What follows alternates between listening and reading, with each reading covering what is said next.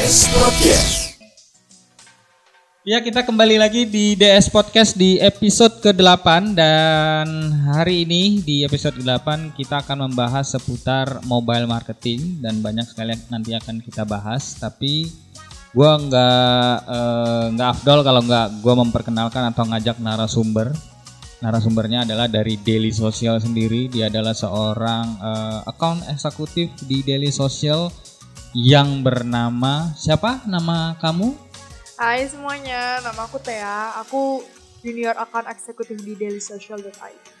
Nah, Tia, eh, saat ini nih kita kan akan mau, eh, membahas mobile marketing. Nah, menurut lu sendiri, Tia, eh, dari eh, pengertian atau secara harfiah atau ada Teorinya. eh, teorinya gitu, lu bisa jelasin nggak mobile marketing itu apa? Kalau teorinya sih mobile marketing itu strategi pemasaran digital yang ditujukan untuk menjangkau target audiens di smartphone, tablet, atau perangkat seluler lainnya misalnya situs web, email, SMS, MMS, media sosial, dan aplikasi. Jadi sekarang kan maksudnya segala sesuatu itu yang ada dulunya di komputer desktop ini udah tersedia di perangkat seluler. Jadi apa-apa bisa diakses melalui handphone Hmm. yang lebih kecil, yang lebih gampang untuk dibawa-bawa. Jadi sebenarnya mempermudah juga. Iya, kenapa disebut mobile ya bisa Yes. dibawa ke mana-mana. Dan kalau dari sisi Tea sendiri nih, lihat di luar perkembangannya seperti apa. Nah, seberapa besar dampak dari mobile marketing? Sebenarnya kalau dampaknya sih cukup besar ya karena pada beberapa survei yang dilakukan, prakteknya tuh banyak merek yang menyisipkan belanjanya, belanja iklan yang disedia mungkin di televisi atau di radio. Mereka pindahin semua untuk kayak 70% itu mereka akan mengalokasikan ke mobile marketing. Karena menurut mereka sekarang itu apalagi terutama social media marketing lagi naik-naiknya banget jadi mereka merasa itu merupakan salah satu cara yang bisa menjangkau anak milenial zaman sekarang. Ini bukan anak milenial sih. Kalau misalnya mau dilihat kayak dari segala umur jenis umur mana pun, tingkatan umur mana pun itu Iya, benar. Karena udah kan orang- tahu ah, banget ah. tentang mobile marketing gitu. Karena kan gampang sekali kalau untuk mendapati kayak perangkat handphone, Iya. gadget dan yang lainnya Iya. kan zaman sekarang. Ada lagi tambahan mungkin ya? Mungkin ada ada ada ada eh, survei tertentu yang menggambarin kalau eh, mobile marketing itu sangat berpengaruh sekali. Ya zaman sekarang kan juga televisi, radio juga masih ada gitu kan. Menurut lu gimana? Ini kalau yang aku baca di berita ya Mas Abo ya, eh, sekarang itu persentasenya itu mencapai 96%. Itu merupakan angka tertinggi dibandingkan media lain. Mm-mm. Seperti kayak media televisi itu 91%. Surat Ternyata kabar uh, uh, uh. Ya, surat kabar 31%, Mhm. radio 15%. Mm-mm. Data itu sendiri maksudnya bukan data survei yang dilakukan asal-asalan, tapi temuan dari Riset Indonesian Digital Association Mm-mm. yang didukung oleh Baidu Indonesia dan dilaksanakan oleh lembaga riset global BFK. Mm-mm. Itu tahun lalu apa tahun ini? Itu tahun 2016. 2016 Iya. ya. Oke, berarti dua tahun yang lalu. Ya, Mungkin apalagi nanti- menurut aku sekarang makin ke sini makin gencar lagi untuk mobile marketing, terutama social media marketing. Sekarang siapa Mhm. sih yang nggak punya social media? Mm, benar benar benar. Nah, kalau dari dilihat dari sisi bisnis nih, mungkin perusahaan sekarang dengan berkembangnya dunia teknologi, pastinya perusahaan-perusahaan eh, harus mengalihkan eh, strategi bisnis promosinya ke mobile. Haruskah semua perusahaan mengalihkan strategi bisnisnya ke mobile? Sebenarnya kalau ditanya harus atau enggak itu balik lagi ke kebijakan perusahaan masing-masing. Mm-mm. Tapi kan mau nggak mau untuk suatu perusahaan itu bisa semakin berkembang, Mm-mm. mereka harus tahu apa sih yang masih menjadi tren di pasaran sekarang untuk Hmm. mereka bisa eh, menyampaikan atau menjual produknya dengan baik ke masyarakat. Karena mereka mau nggak mau misalnya masyarakat lagi gencar-gencarnya di sosial media, kalau mereka tetap menggunakan cara yang lama, otomatis mereka kan ketinggalan. Jadi kalau misalnya aku sendiri sih pernah baca juga berita, jadi Managing Director Mobile Marketing Association Asia Pacific itu mengatakan bahwa seti- setidaknya ada tiga hal yang memaksa perusahaan untuk beralih ke mobile marketing. Oke. Yang pertama, mobile marketing itu memiliki efektivitas yang tinggi. Mm-mm. Menurut data yang dimiliki oleh MMA dari beberapa riset, mobile marketing sangat efektif. Jika dibandingkan dengan kombinasi media-media konvensional, mungkin kayak seperti televisi, radio yang biasa digunakan untuk marketing, Mm-mm. efektivitas mobile marketing hampir mencapai dua kali lipat dari media konvensional tersebut. Wow. Kan dua kali lipat menurut aku 100% lebih Iya. gitu kan. Lebih ba- bagus lah. Ya. Yang kedua, keberhasilan mobile marketing itu telah terbukti. Banyak perusahaan telah membuktikan keampuhan mobile marketing dalam menyampaikan pesan atas produk-produknya. Jadi dampaknya produk produk yang mereka miliki itu menjadi dikenal dan lebih dekat dengan para consumers. Oke. Yang ketiga, jika perusahaan masih enggan untuk beralih ke mobile marketing kayak yang tadi aku bilang, perusahaan itu telah melewatkan kayak semacam kesempatan emas mungkin karena Hmm. eh, masih dari datanya MMA lagi, penetrasi perangkat mobile di Indonesia itu sangat tinggi sekarang dan menj- menjadi penyumbang terbesar lalu lintas internet di Indonesia. Benar. Jadi kalau misalnya mereka tidak mengikuti perkembangan zaman dan mereka masih bisa bilang gini, eh, handphone itu mudah untuk dibawa ke mana-mana karena mereka kecil, mereka Mhm, ringan. Kalau televisi kan nggak mungkin dibawa ke mana-mana. Hmm. Jadi untuk orang waktu memainkan handphone dan melihat televisi sekarang akan jauh lebih meningkat dan jauh lebih banyak untuk melihat handphone. Betul. Jadi Edik banget ya Iya. sekarang handphone itu ya. Dan eh, kira-kira nih dari eh, beberapa mungkin strategi dan yang lainnya tadi udah dijelaskan dengan. Terus eh, yang paling cocok atau yang paling pas gitu ya eh, dari sisi platformnya sendiri untuk mobile marketing itu apa ya? Mungkin kan banyak nih sekarang eh, mungkin bisa jadi sosial media, sosial media banyak banget gitu kan. Menurut saya ada nggak? sebenarnya kalau yang paling cocok atau pas itu menurut aku tergantung dengan produk yang mereka pasarkan. Maksudnya Mhm. produk yang mereka pasarkan itu biasanya punya eh, platform yang lebih cocok masing-masing. Mhm. Misalnya kayak mereka mungkin ingin mengenalkan produk games dan segala macam. Kebiasaannya adalah mereka akan mengiklankan itu Mhm. di salah satu media marketing merupakan eh, kalau misalnya untuk mm, mobile platformnya sendiri sih sebenarnya tergantung produk yang mau dipasarkan. Mhm. Misalnya mereka memasarkan produknya itu games, Mhm. mereka akan memasarkan itu melalui mobile platform biasanya kayak mm, sesama games lain. Jadi misalnya games apa yang masih paling booming, Mhm. kadang suka ada games gratisan yang ada dulu muncul iklan yang harus Iya. ditonton dulu. Oh itu gitu. merupakan salah satu iklannya juga. Terus tapi kalau misalnya yang paling tinggi itu menurut aku social media marketing sih. Mhm. Karena sekarang social media marketing itu udah tercipta banget dan ini aku yakin hampir seluruh orang Indonesia tahu influencer sekarang udah banyak banget dan Mhm. mereka bahkan followersnya terutama di Instagram Mhm. itu udah jauh melebihi artis-artis yang muncul di TV. Apakah mereka sekarang ber, eh, beralihnya lebih banyak Instagram atau lebih banyak ke Facebook atau lebih banyak ke Twitter atau ada informasi seputar itu enggak? Karena kan ya sekarang orang Instagram buka Facebook dan yang lainnya, tapi kan nggak tahu nih seberapa besar keberhasilannya ada di mana. Ada data atau ada informasi nggak seputar itu? Ada pernah yang melakukan wawancara kepada influencer-influencer gitu udah pernah dilakukan wawancara sih untuk kepada influencer-influencer tersebut dan eh, pilihan mereka nih influencer itu paling favorit mempengaruhi publik itu menggunakan Instagram 98,8 persen Mm-mm. sementara kalau YouTube itu 41 persen blog 28,9 persen Mhm. Twitter 26,5 persen dan Facebook 19,3 persen kalau untuk social media sendiri yang paling data untuk itu ya, yang paling menarik ya sebenarnya kemarin sempat baca sih di salah satu berita kalau mereka itu udah melakukan survei The State of Influencer Marketing 2018 itu yang melakukan survei adalah Sociobus itu tahun tahun ini tahun 2018 menunjukkan bahwa dari survei tersebut Sociobus mewawancari influencer-influencer dan bertanya sama mereka apa sih social media yang menurut mereka paling menarik dan paling efektif untuk eh, marketing. Mhm. Dari wawancara itu keluarlah hasil Hasil, Oke. yang paling utama adalah Instagram, kemudian YouTube, blog, Twitter, lalu Facebook.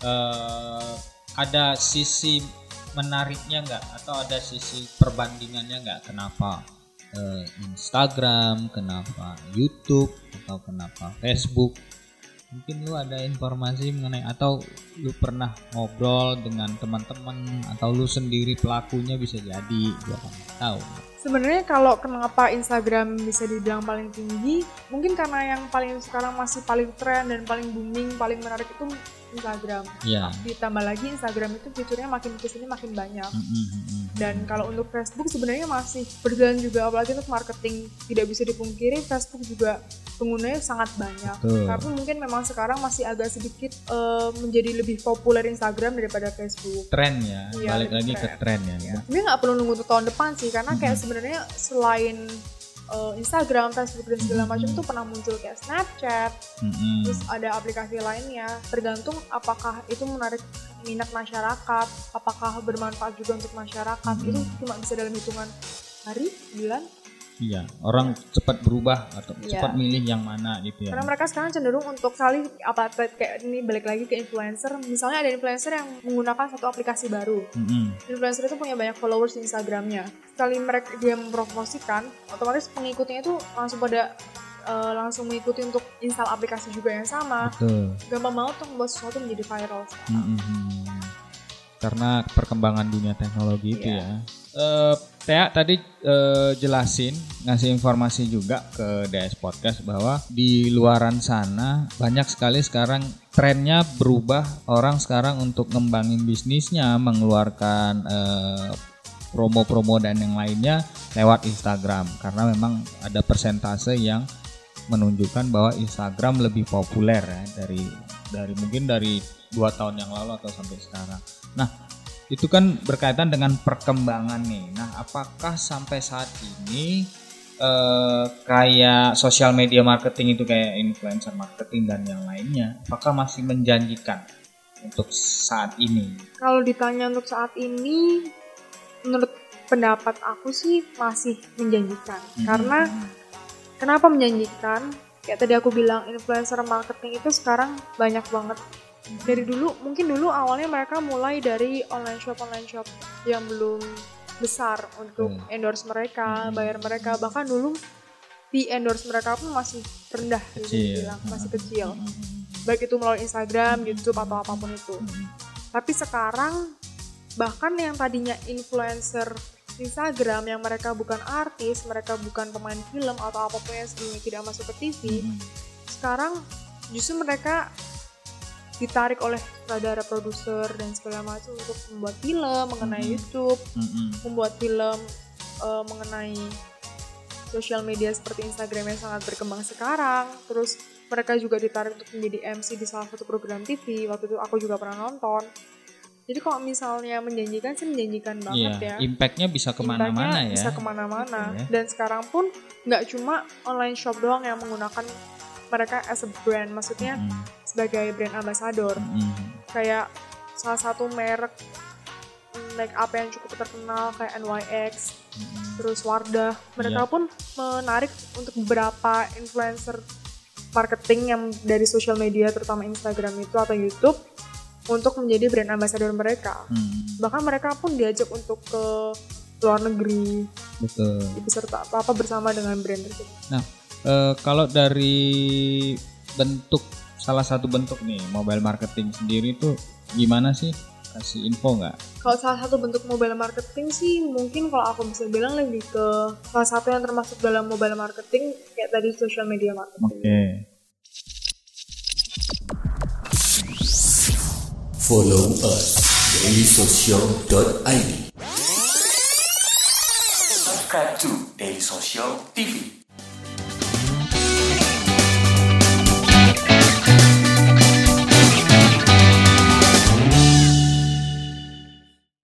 Dari perkembangan eh, dunia teknologi sekarang, mungkin mobile marketing sudah sangat berkembang lah dan sangat dicari-cari atau dipakai untuk beberapa perusahaan.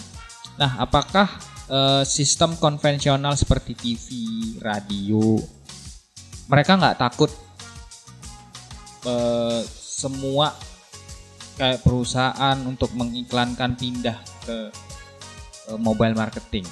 Ataukah mereka masih bisa bertahan menurut menurut kayak sendiri gimana? Sebenarnya kalau masalah kompetitor dalam bidang apa pun pasti akan ada kompetitor yang sekarang memang social media masih yang booming boomingnya banget tapi kita nggak tahu nanti ke depannya ada apa lagi yang baru. Yang menjadi kompetitor sosial media kayak Instagram dan segala macam. Tapi kalau misalnya ditanya apakah mereka akan bertahan kalau selama yang aku lihat sih mereka tetap bertahan ya. Maksudnya gini memang dulu ketika zamannya awal banget kan kita masih punya radio doang belum ada televisi. Hmm. ketika ada televisi iklannya kan pindah semua ke televisi Hmm. sekarang ada sosial media banyak iklan yang juga pindah ke sosial media tapi yang sejauh ini kita lihat radio masih tetap ada Masih tetap radio masih ada, tetap bertahan benar. televisi juga masih tetap bertahan karena sebenarnya setiap media itu punya segmentasinya masing-masing Mhm. juga ada orang yang memang aduh udah suka banget nih untuk dengerin radio karena radio Mhm. kan bisa didengerin di mobil Mhm. terus kalau misalnya mereka lagi eh, jalan ke mana bisa didengerin juga lewat handphone Mhm. kalau TV kan kita bisa lihat acara-acara yang di social media tidak bisa ditampilkan. Mhm. Kalau jadi kalau misalnya bertahan sih akan bertahan sih.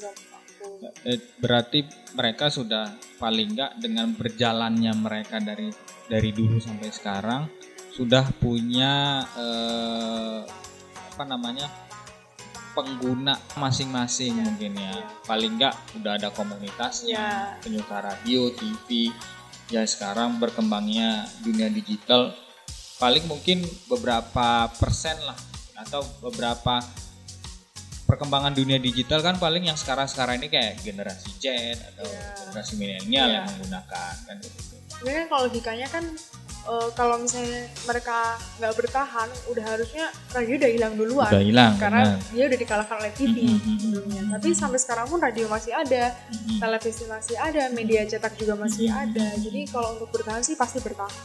Mesti bertahan ya, karena mereka juga punya keunikan Iya. masing-masing. benar. Oke. Eh, di episode hari ini di episode ke-8 pas banget karena kebetulan kita di bulan Ramadan jadi nggak ada break. Biasa kalau eh, nggak di bulan Ramadan kita ada break ngopi dulu atau segala macam. Nah ini kita nggak ada break, kita langsung aja ke games biasa kalau Des Podcast pasti punya game. Dan kita sudah masuk di Woi, woi, woi, woi. Ada games nih. Iya, iya. Santai dong. Jadi gini Tea, gamesnya ini adalah gue sebenarnya eh, surprise ya, gue nggak ngasih tahu sebelumnya ya. Iya, benar Ya. banget. Ini gamesnya eh, ada kategori Facebook, ada Twitter, ada Instagram. Nah, jadi nanti Tea eh, nebak, misalnya nih kalau di Instagram atau di Twitter atau di Facebook tuh kan ada kayak bar apa namanya icon-icon kayak likes, kayak following atau ada Iya. tulisan follower itu kan banyak tuh Iya. di sosial media masing-masing. Nah, nanti Tea sebutin mana yang ada, mana yang nggak ada. Tapi nanti aku sebutin. Eh, Oke. pilihannya sebenarnya sama. Pilihannya sebenarnya sama dari Facebook, Twitter, Instagram. Jadi nanti Tea tinggal nyebutin aja nih. eh eh, fair ya, nggak nggak nyontek di laptop ya. Oke. Jadi ini sebenarnya mengasah ingatan. Masih ingat nggak? Oh, kira-kira Twitter di atas tuh ada ininya, oh ada tulisan ini ini segala macam. Oke, ini gua ada Facebook, Twitter, Instagram.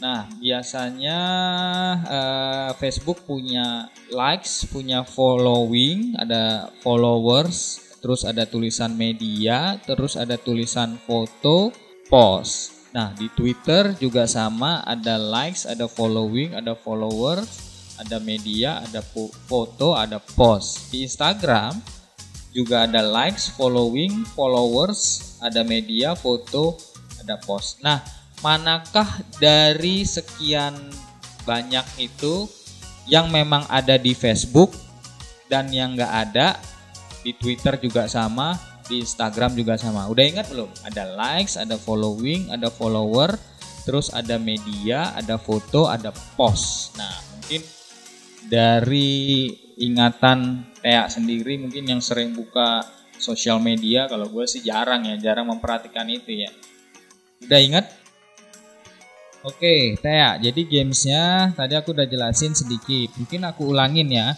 Eh, kayak Facebook, Twitter dan Instagram itu ada likes, following, followers, media, ada foto, ada post. Jangan nyontek. Eh, sekarang mau mulai dari mana dulu? Aku tentuin aja ya dari Twitter deh. Dari Twitter itu apa yang ada, apa yang nggak ada. Boleh nggak sebutin? Ayo. Kalau Twitter, Mm-mm. Nanti jarang buka Twitter. Jadi Iya, benar. Oke, uh, following, oke Dan itu ad- follower. yang ada, ya, ada. Terus apa lagi yang ada? media Iya, oke. dan post, Post ya, itu yang ada. ya. Yang nggak ada apa? Berarti selebihnya nggak ada. Yang nggak ada berarti like sama foto, Like sama foto. ya, Following, follower ada ya. ya. Oke, kita lihat dulu. Buktikan. Gua lengkap nih ada. Ses, kita buktikan. Oke, tadi yang ada following betul, followers betul, terus ada Post, post nggak ada. serius. Post nggak ada, media betul ada. Berarti salah satu ya. Oke, ternyata dia cara buka Twitter. Twitter Oke. kayak udah agak-agak lama gitu loh. Saya masih ada. ya. Oke. Berikutnya eh, Facebook. Oke. Apa yang ada, apa yang nggak ada? Facebook, likes, ada, Likes ada. Terus foto ada. foto ada. Terus ada lagi nggak? Yang lain kayaknya nggak ada semua deh. Following, lain nggak ada? ya Following, follower, nggak ada. media nggak ada. Yang ada like sama Foto, like sama foto. Oke. Post nggak ada. Hmm, nggak sepertinya. Coba kita buktikan. Buktikan ya, kita buka Facebook. Oke, ternyata sudah dibuktikan kalau di Facebook itu cuman ada likes, likes, terus ada foto, cuma dua itu ya. Iya, Following, follower, media, post nggak ada. Ada. Oke, betul berarti. Sama, saya betul di Facebook. Oke, di Instagram mana yang ada, mana yang nggak ada. Kalau Instagram ada likes, ada following, ada followers, dan ada post. Hmm. Yang ada ada likes, ada following, ada follower, post. ada post. Ya. Oke, kita buka Instagram nih. Kita buktikan nih, ada nggak? Instagram, oke, following, followers ada, Eh, likes, likes Ada terus, Post. oke, betul, yeah. Jadi gamesnya itu aja nih Taya. Gue juga mikirin games ini cukup pusing. Jadi ya untuk seru-seruan aja. Jadi terakhir nih Taya, kita udah main games. Nah terakhir dari Taya sendiri, mungkin dari sisi pekerjaan Taya sekarang sebagai account eksekutif, apakah eh, media-media yang tadi udah kita bahas, mungkin eh, kayak Instagram, Facebook dan lainnya, terus influencer marketing itu bermanfaat nggak untuk pekerjaan? Kalau untuk account eksekutif sih berguna, tapi mungkin yang paling aku sering pakai itu social media itu eh, LinkedIn. Mm-mm. Karena- Mungkin untuk nyari Orang. kerjaan. Iya, enggak kalau misalnya misalnya kayak lagi ingin menghubungi seseorang atau lagi butuh untuk tahu oh PR-nya ini itu siapa namanya, kontaknya gimana gimana, biasanya orang akan nyari di LinkedIn. Oh, gitu. Jadi menurut aku yang paling mungkin yang paling aku sering pakai kalau misalnya Instagram gitu-gitu aku pakai sih, tapi untuk lebih ke hal personal kali ya. Kerjaan. Mm. Kalau untuk yang pekerjaan lebih ke LinkedIn, lebih ke Facebook mungkin. Iya, Facebook juga bisa. Kalau social media sih mungkin kalau misalnya kita misalnya kita mau undang atau kita mau wawancara orang atau kita mau ketemu orang terus kita kepo-kepo dikit gitu mukanya gimana bisa aja cari di Instagram. Mm-mm. Itu kalau untuk yang literally misalnya untuk mencari seseorang yang kita belum tahu kontaknya, yang kita belum tahu eh, dia ini dihubunginya Profilnya, ke mana, kayak iya. apa. Jadi kita, kalau aku sih lebih sering cari di LinkedIn. Berarti untuk pekerjaan juga masih bisa digunakan. Iya, ya. masih. Bukan berarti eh, cuma untuk doang Iya. gitu ya. Jadi tergantung bagaimana caranya kita eh, menempatkan Iya. sosial media itu. Jadi eh, terima kasih Tea sudah mau Terima kasih eh, juga. bagi informasi di DS Podcast di episode 8. Mungkin nanti kita ketemu di episode-episode berikutnya. Terima Iya. kasih Tea, selamat bekerja kembali. Dan untuk eh, teman-teman DS Podcast yang mungkin masih ketinggalan dengan beberapa informasi yang ada di DS Podcast atau di Daily Social. Uh, teman-teman bisa buka di web kita ada di dailysocial.id atau bisa lewat Facebook di dailysocial.id atau di Twitter juga ada di @dailysocial atau di Instagram ada di @dailysocial atau uh, bisa buka channel YouTube kita di Daily Social TV di situ ada uh, uh, DS Tour terus ada discussion ada open box ada tech five juga. Jadi teman-teman DS Podcast bisa kepo-kepoin Daily Social sih intinya terus ada SoundCloud juga yang mungkin bisa didengarkan untuk teman-teman DS Podcast jadi buka soundcloud.com jadi cari aja Daily Social atau uh, eh, DS Podcast jadi itu itu aja untuk episode ke-8 uh, terima kasih buat pendengar DS Podcast. Kita ketemu lagi di episode berikutnya. Bye bye. DS Podcast.